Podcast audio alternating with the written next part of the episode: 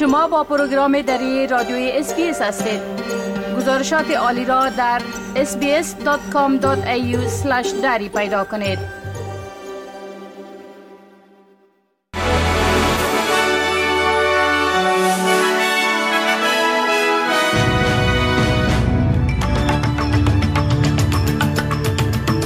با عرض سلام صاحب شکیب شما را به شنیدن مهمترین اخبار امروز اول سپتامبر سال 2023 دعوت می کنم.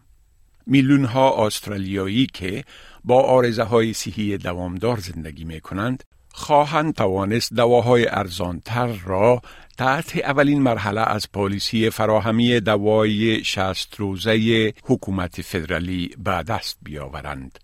سر از امروز اول سپتامبر مردم مبتلا به بیماری های مزمن می توانند دوای دو ماه را به قیمت یک ماه دریافت کنند.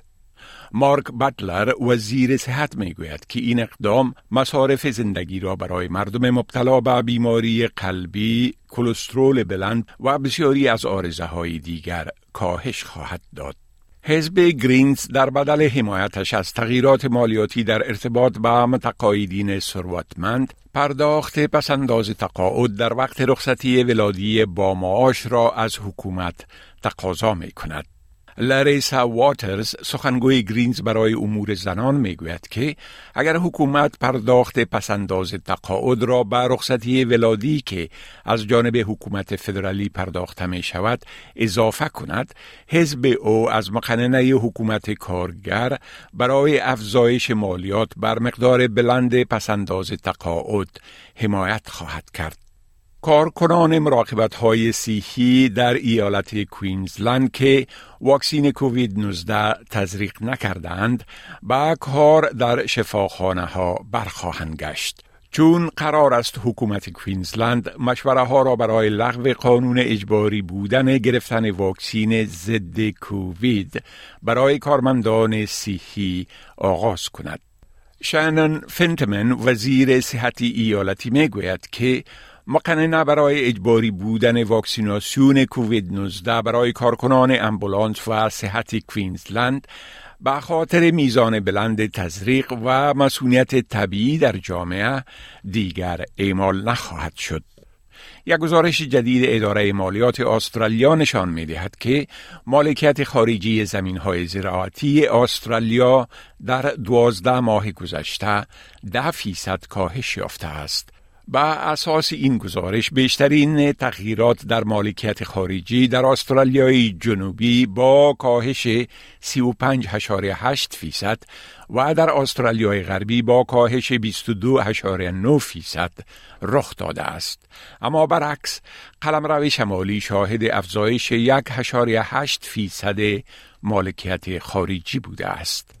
جو بایدن رئیس جمهور ایالات متحده به مناسبت دو سالگی خروج کامل نیروهای امریکایی از افغانستان از کانگرس خواسته است که طرح اسکان مجدد افغانها در امریکا به شمول فراهمی زمینه اقامت دائمی آنها را تصویب کند. او در بیانیه گفت همانطور که افغانها در 20 سال در کنار ما قرار داشتند من هم به ایستادن در کنار آنها متحد هستم. آخرین اسکر امریکایی پس از حضور تقریبا دو دههی نیروهای خارجی در افغانستان بر روز سی آگست 2021 از آن کشور خارج گردید. دو تن از رهبران سابق گروه راست افراطی امریکایی به نام پراود بایز به جرم دست داشتن در حمله به ساختمان کانگرس امریکا در سال 2020 محکوم شدند. تیموتی کلی قاضی منطقه‌ای ایالات متحده جوزف بریگز سرباز سابق 38 ساله نیروی امریکا را به 17 سال زندان و همکار او زخاری رل سرباز بحری سابق آن کشور را به 15 سال زندان محکوم کرد. هر دوی این اشخاص به خاطر یورش به ساختمان کانگرس امریکا به جرم توطعه برای ایجاد فتنه و آشوب محکوم شدند. این بود خلاصه از مهمترین اخبار از برنامه دری اسپیس آدیو. شما می توانید گزارش های بیشتر درباره موضوعات گوناگون را در وبسایت ما با آدرس sbs.com.au دری بشنوید و بخوانید.